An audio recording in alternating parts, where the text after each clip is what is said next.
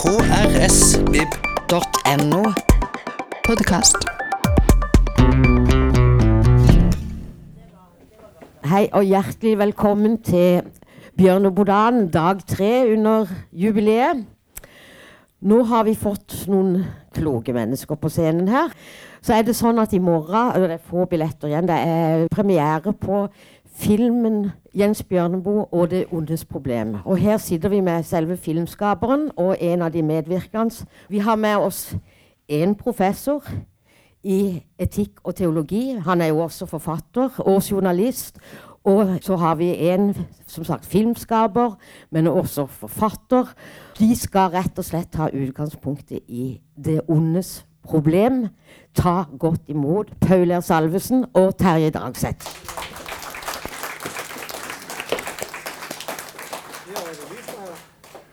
Ja, kan dere høre noenlunde bak i salen?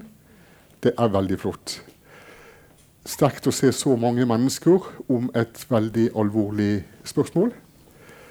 Eh, da jeg gikk på skolen, så fikk jeg høre at det ondes problem det var et teologisk problem. Altså at det hadde med Guds forhold til det onde i verden å gjøre.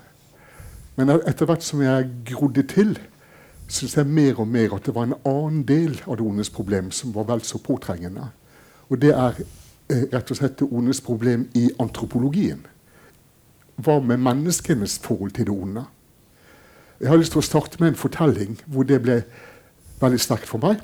Jeg var 25 år og var da i et fengsel som vikarprest. Så finner jeg da en samtalelapp der en fange har skrevet at han ønsker en samtale med presten. Og den fangen kjente jeg dessverre altfor godt fra Dagbladet, VG, dagspressen. Jeg visste hva han hadde gjort, jeg visste veldig mye om han. Så jeg gruet meg på vei, vei til denne cella der han satt. Og det som skjedde, var jo at jeg mente at jeg skulle inn og finne et menneske som lignet på det forferdelige han hadde gjort. At han rett og slett var et monster. Så kommer jeg da inn på denne cella til en mann som var nøyaktig like gammel som meg, 25 år. På bordet lå bjørnebord, Alfred H. Hauge, en bibel. Det var ingen nakne damer på veggen. Jeg møtte et dypt sympatisk menneske som jeg fikk mye med å gjøre i flere år etterpå. Egentlig var det et sjokk av dimensjoner. At en som var dypt sympatisk, også kunne gjøre helt forferdelige ting. For da rykket rett og slett det onde nærmere meg og mitt liv. Det var ikke bare der ute i det ukjente.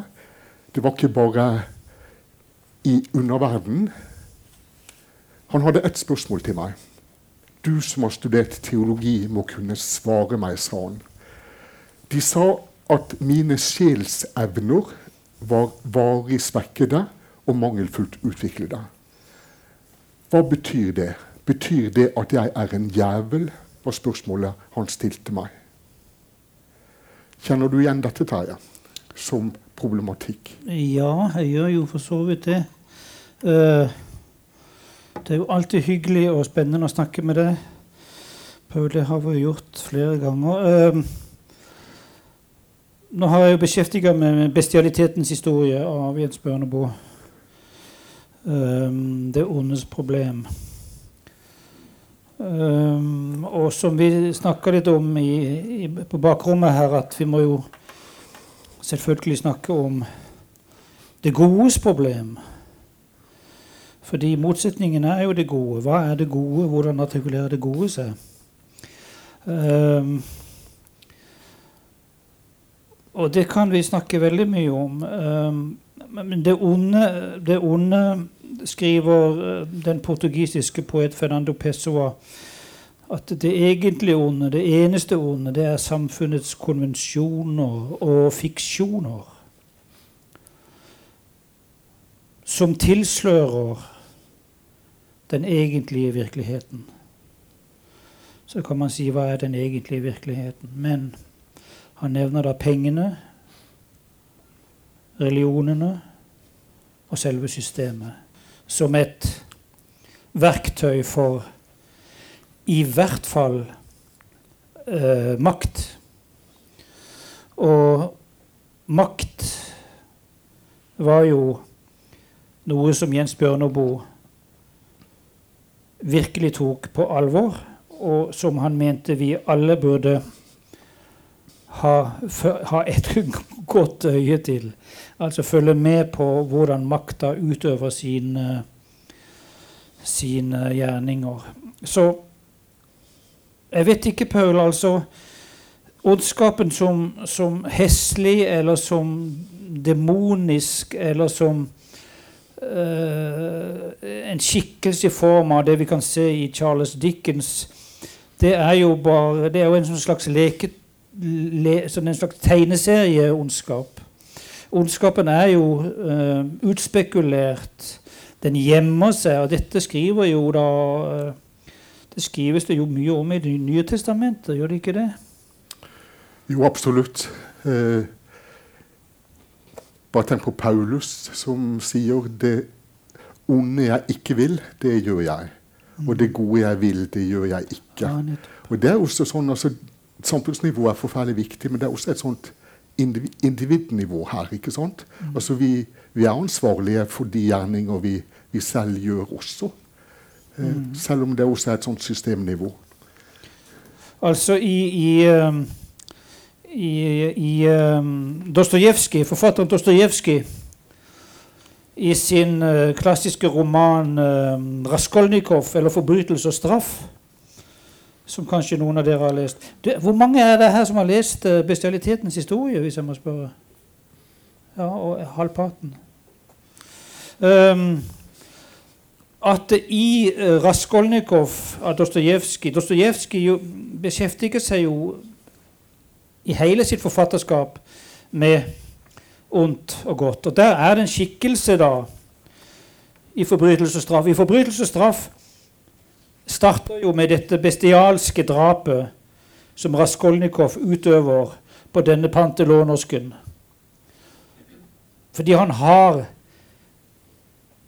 en filosofi, han har fortenkt seg og belest seg på at han som et overmenneske, som et dannet, belest, intellektuelt menneske, har rett til å drepe denne sjofle, elendige pantelånerskene som utnytter seg og tar til seg av menneskers elendighet. Vi kjenner jo med en gang når jeg nevner sånn et menneske, så vet vi jo alle at vi har hatt en tilsvarende person innenfor det norske demokratiet her. Jeg nevner bare Utøya. Som har hatt da en filosofi at han var et supermenneske som hadde rett til å drepe. Jeg, jeg tror på en måte det er to innganger her. Den, ja. den, er, den, er, veldig viktig. At det finnes ideologi, eller det å avpersonalisere den andre, som gjør ondskapen mye lettere å gjennomføre. Mm. For da er det rett og slett ikke et menneske som rammes, det er noe annet. Ja. Eh, den andre inngangen har Hanne Arendt beskrevet veldig viktig og fint. Jeg tenker på hennes bok om Eichmann i Jerusalem. Eichmann som var en av den innerste kretsen rundt Hitler, og som ble tiltalt for å ha transportert 1,2 millioner til dødsleirene.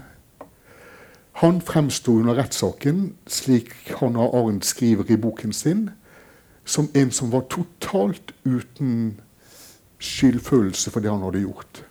For han hadde jo gjort det eneste han var opplært til å gjøre, nemlig å være lydig. Han var den lydige embetsmannen som helt fra han var et bitte lite barn hadde lært at lydighet det var den fremste av alle dyder. Og Det kaller rett og slett Hanne Arendt da det 'the banality of evil', det banalt onde, som hun finner i denne skikkelsen.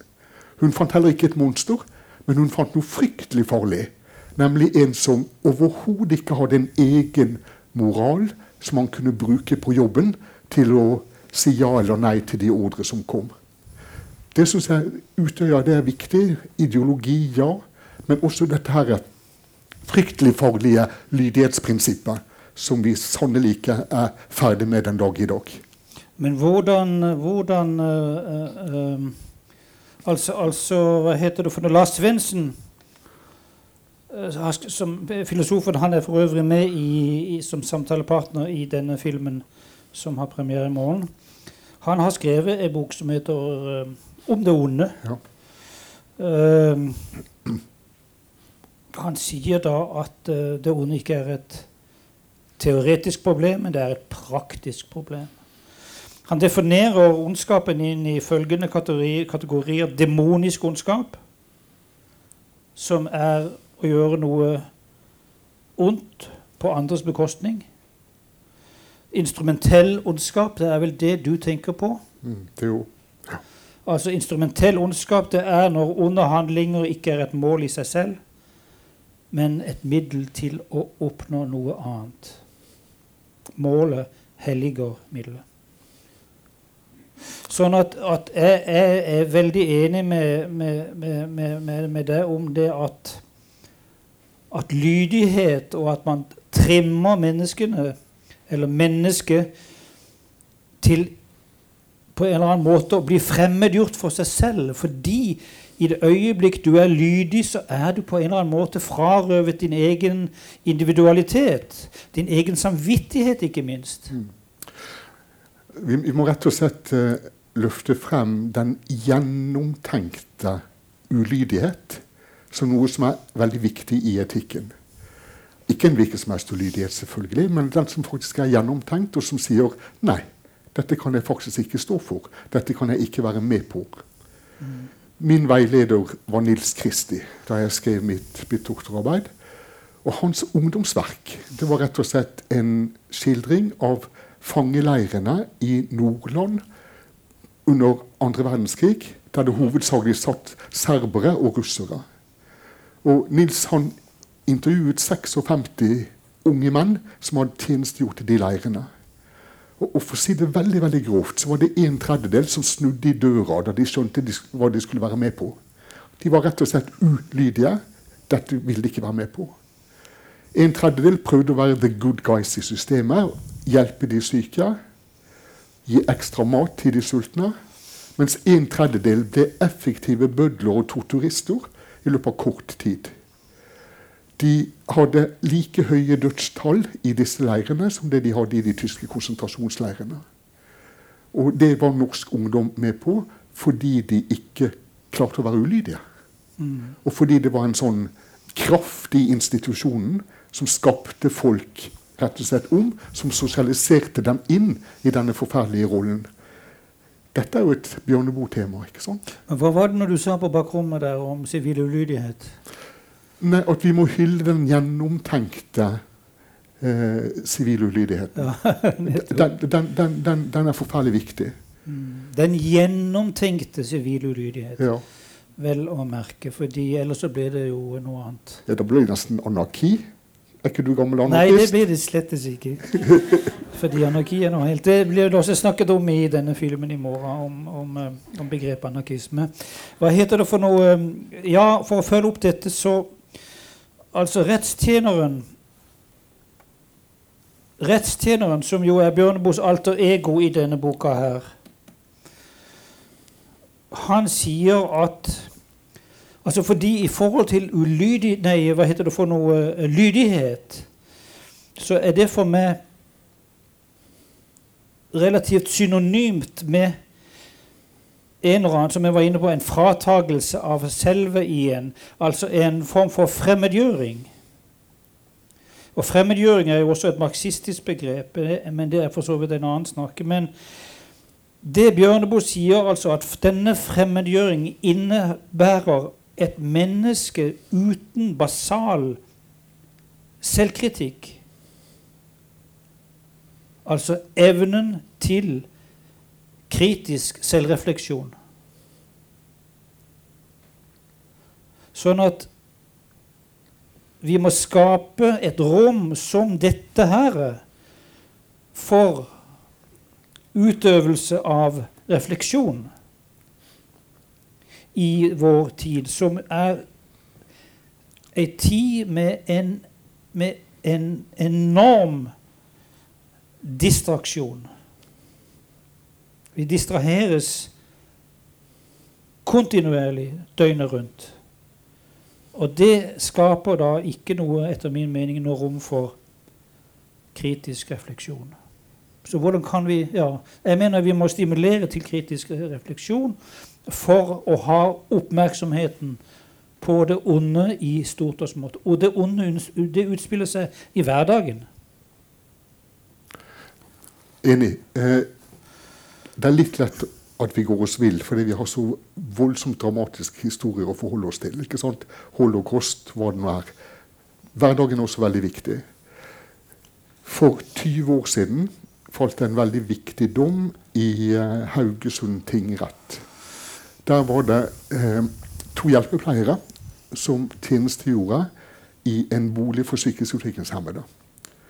Og så hadde de en eh, beboer der som var såkalt hodedunker. Han var autist og dunket hodet i veggen til blods. Fryktelig farlig. Så kom det en ung, ny psykolog som var atferdsterapeut og han skapte et type regime der denne gutten skulle få sjokolade hver gang han klarte å stoppe og dunke hodet. Og så skulle han stikkes med en nål når han eh, dunket hodet. Og så ga han ordre til at disse to hjelpepleierne skulle gjennomføre det atferdsterapeutiske opplegget. Så sa de nei. De var ulydige. Og de sa dette kan ikke vi være med på. Ut fra vår profesjonsetikk så kan vi ikke være med på å straffe med en nål. Og så ble de truet med oppsigelse og ble fjernet fra Bodøen. Heldigvis tok Hjelpepleierforbundet saken deres, og de vant i retten. Og det er en historisk dom at det faktisk skal være tillatt etter norsk arbeidsrett å følge sin egen moral på jobben og være gjennomtenkt ulydig. Sånt må vi ha mer av. Ja. Um, men altså Når vi snakker også uh, Hvis vi skal forholde oss til Bjørneboe, noe vi jo skal i, i Jens Bjørneboe-dagene, så var jo Jens Bjørneboe uh, veldig opptatt av, uh, av rettsvesenet og fengselsvesenet.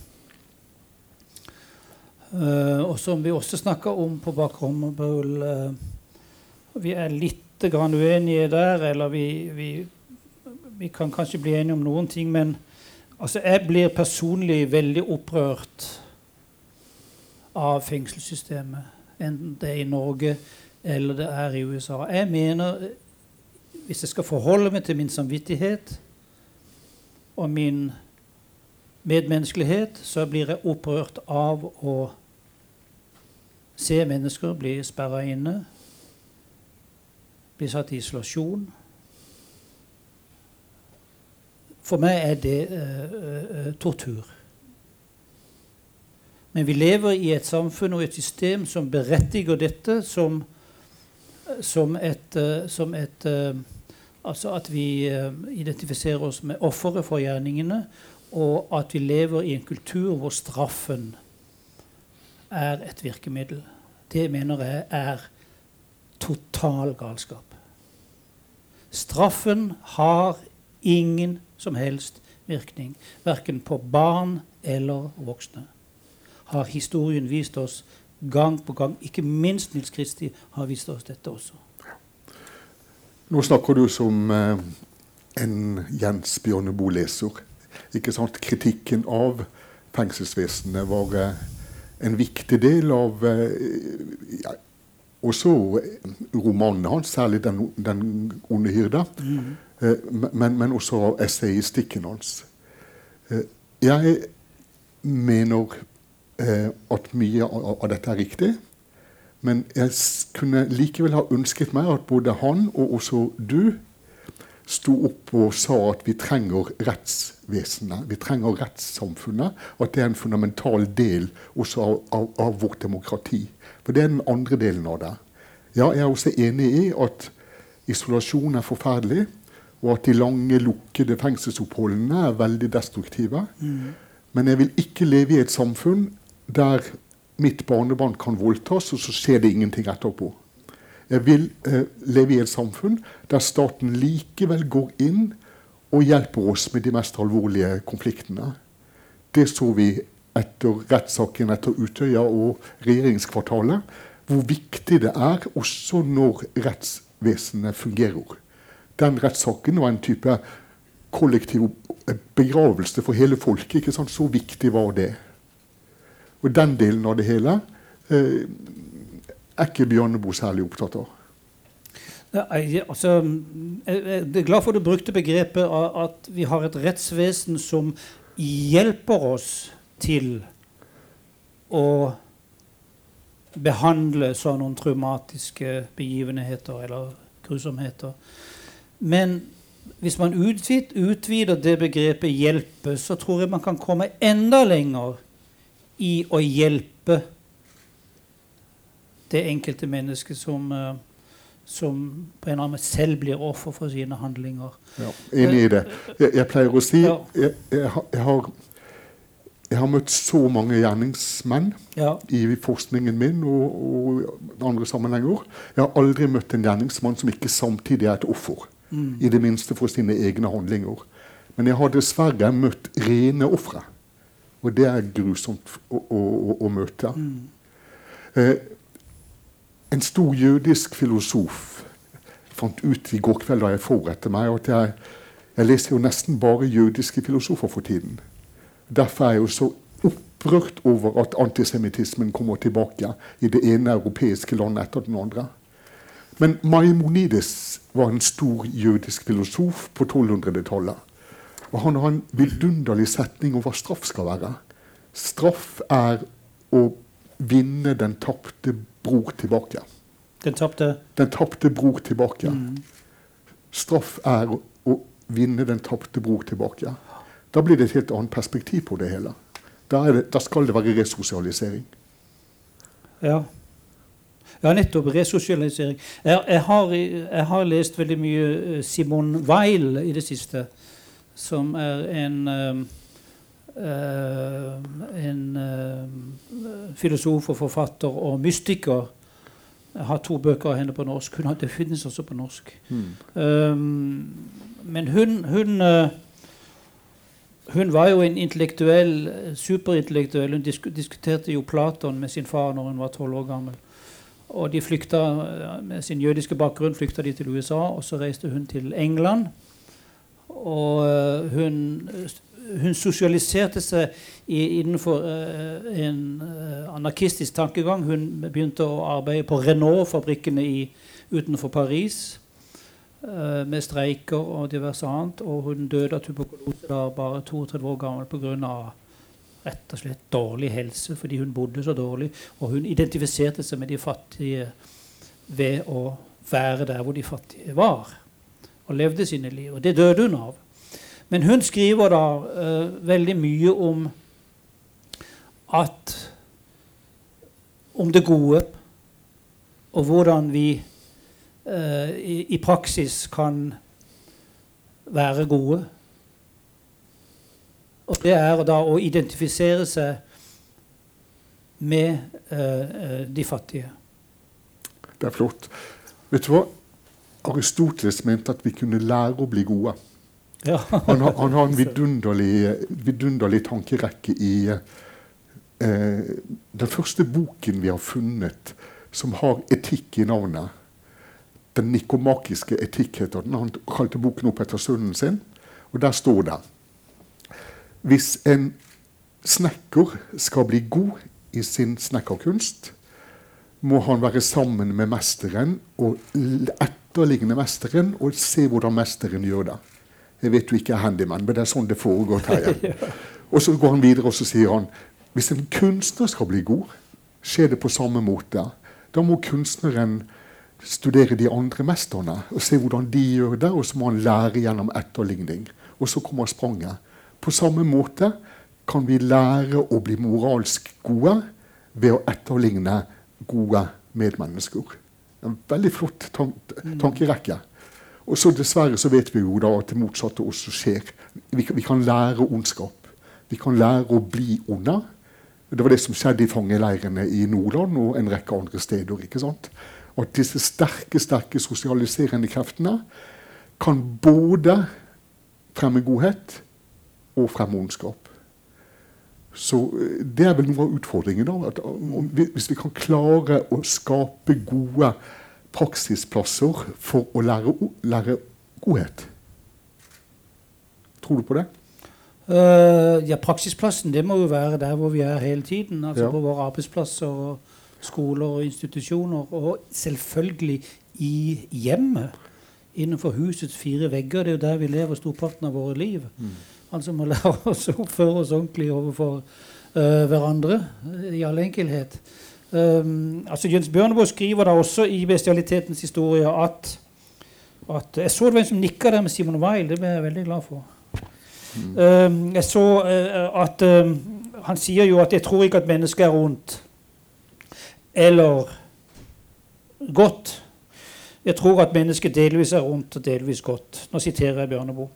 Hvilken side som skal få vokse og utvikle seg, avhenger av oss selv. På en planet hvor mennesket fritt har valgt å la seg brenne levende for sannhetens skyld, må det gode ha store muligheter. Det er flott sagt. Ja.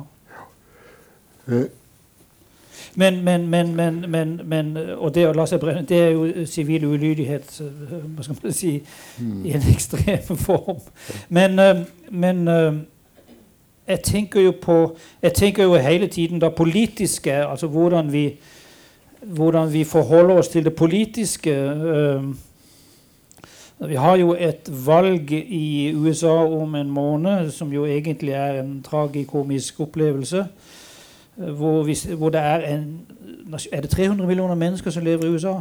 330. Ja. 330 millioner mennesker som blir utsatt for noe av det mest karikerte ja, Unnskyld meg, det kan godt være noen er enig, men er, er, er noe av det mest politisk karikerte noensinne sett utspille seg på denne kloden.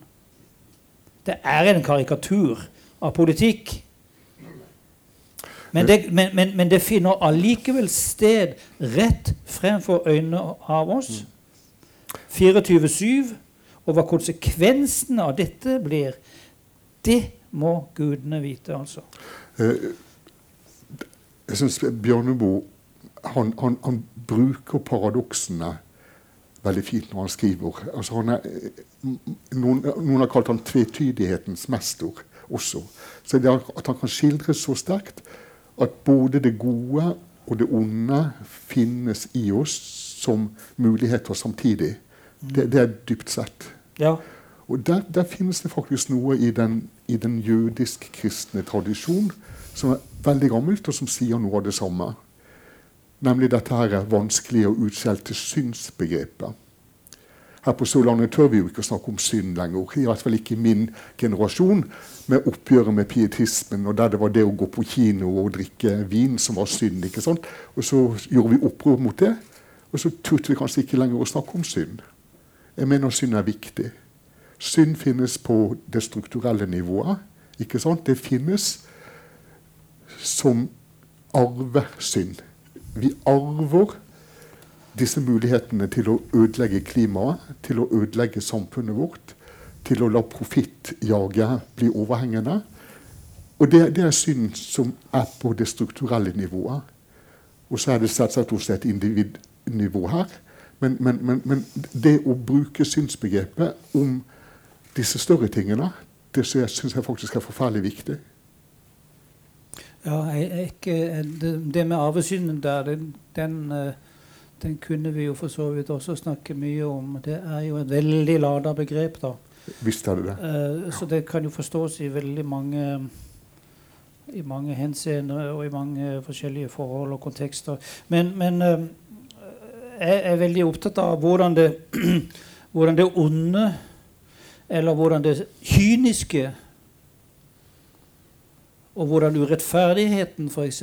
får lov til å nærmest utagere så mye som den gjør. Vi har i Norge og i Skandinavia utviklet en samfunnsmodell, en sosialdemokratisk modell, som har gitt oss den velstand, kan man vel kalle det, som vi alle nyter godt av i dag, den er ved å forvitre.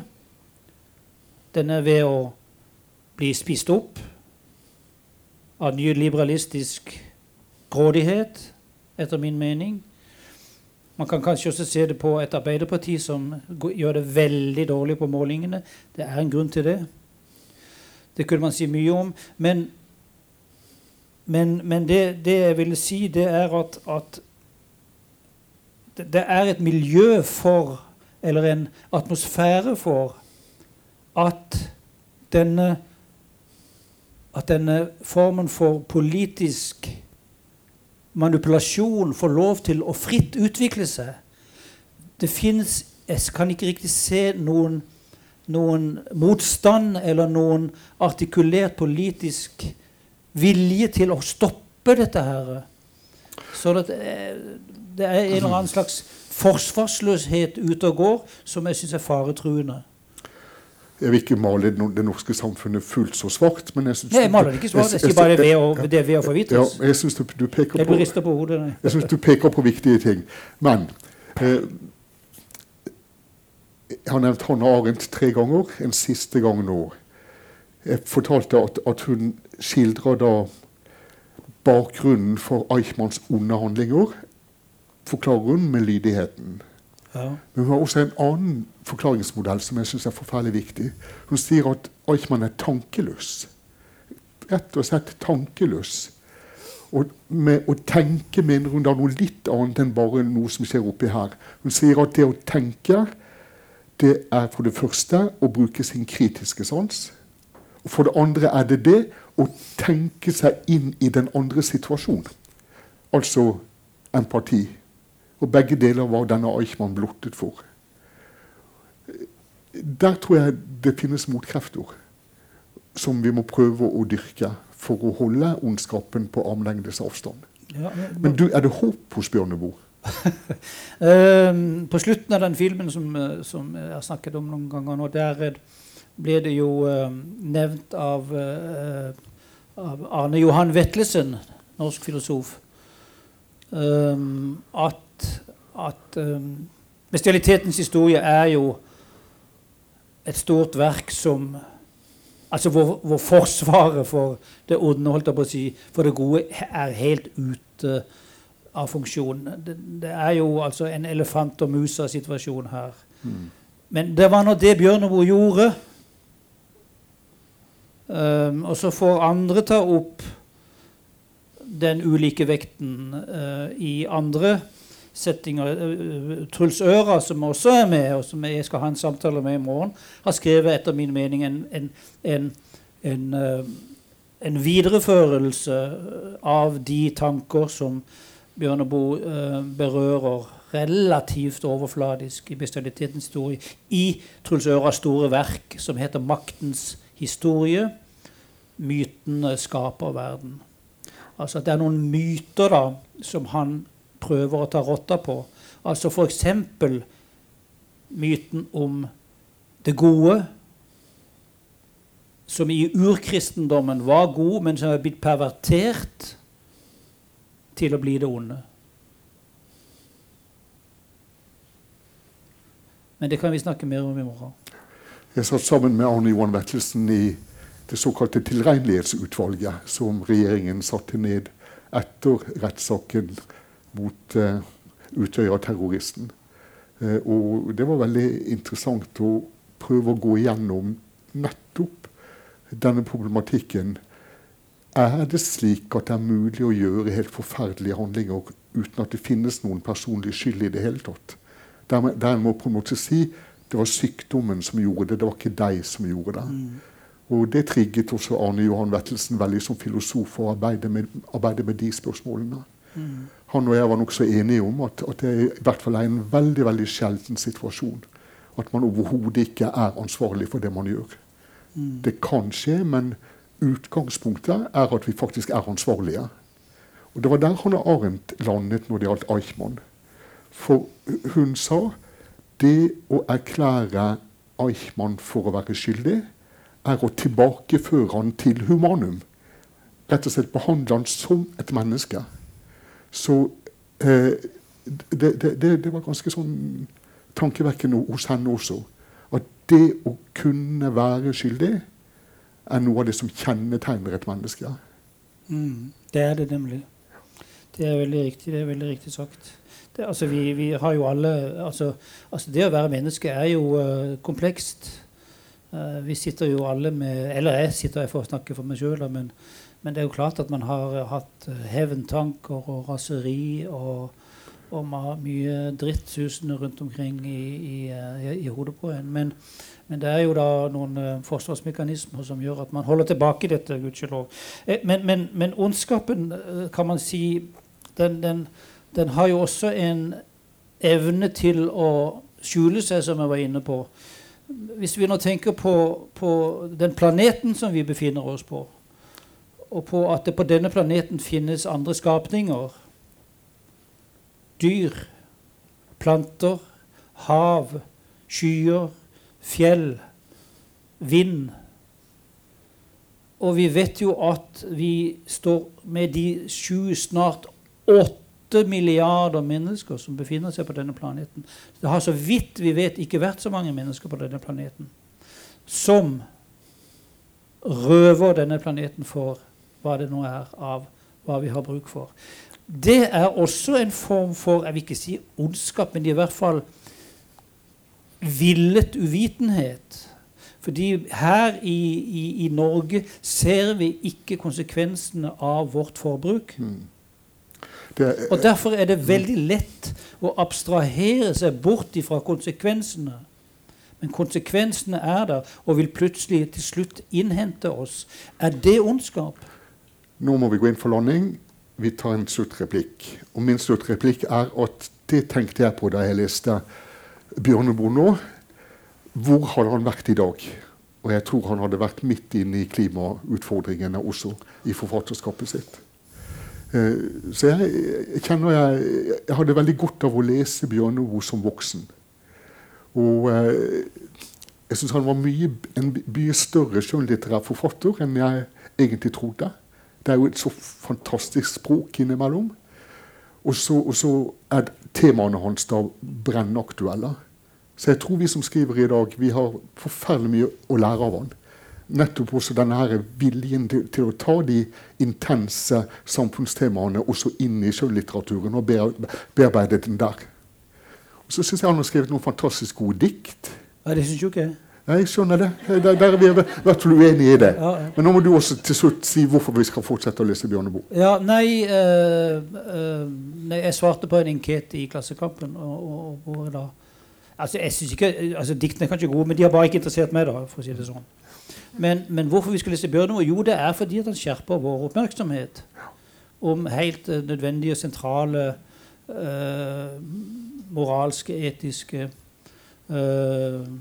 problemstillinger som, vi, som, er viktige for oss alle på en, en eller annen måte. Jeg synes det er helt fantastisk å se folk her sitte og, og, og, være oppmerksomme på denne samtalen. Og, og ha nytte av det, forhåpentligvis. Og det går en film i morgen på Phoenix, sal 1. Det er snart utsolgt hvor dere kan høre mye mer om dette temaet, uh, og sagt mye bedre av meg enn en jeg gjør. Nesten like så godt som Paul Salvesen gjør det. Wow. Uh, og, uh, Tusen takk for samtalen. Ja, takk for samtalen. Takk til dere.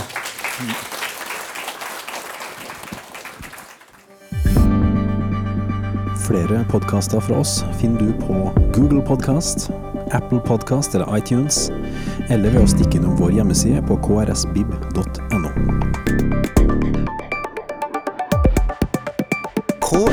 krsbib.no Podkast.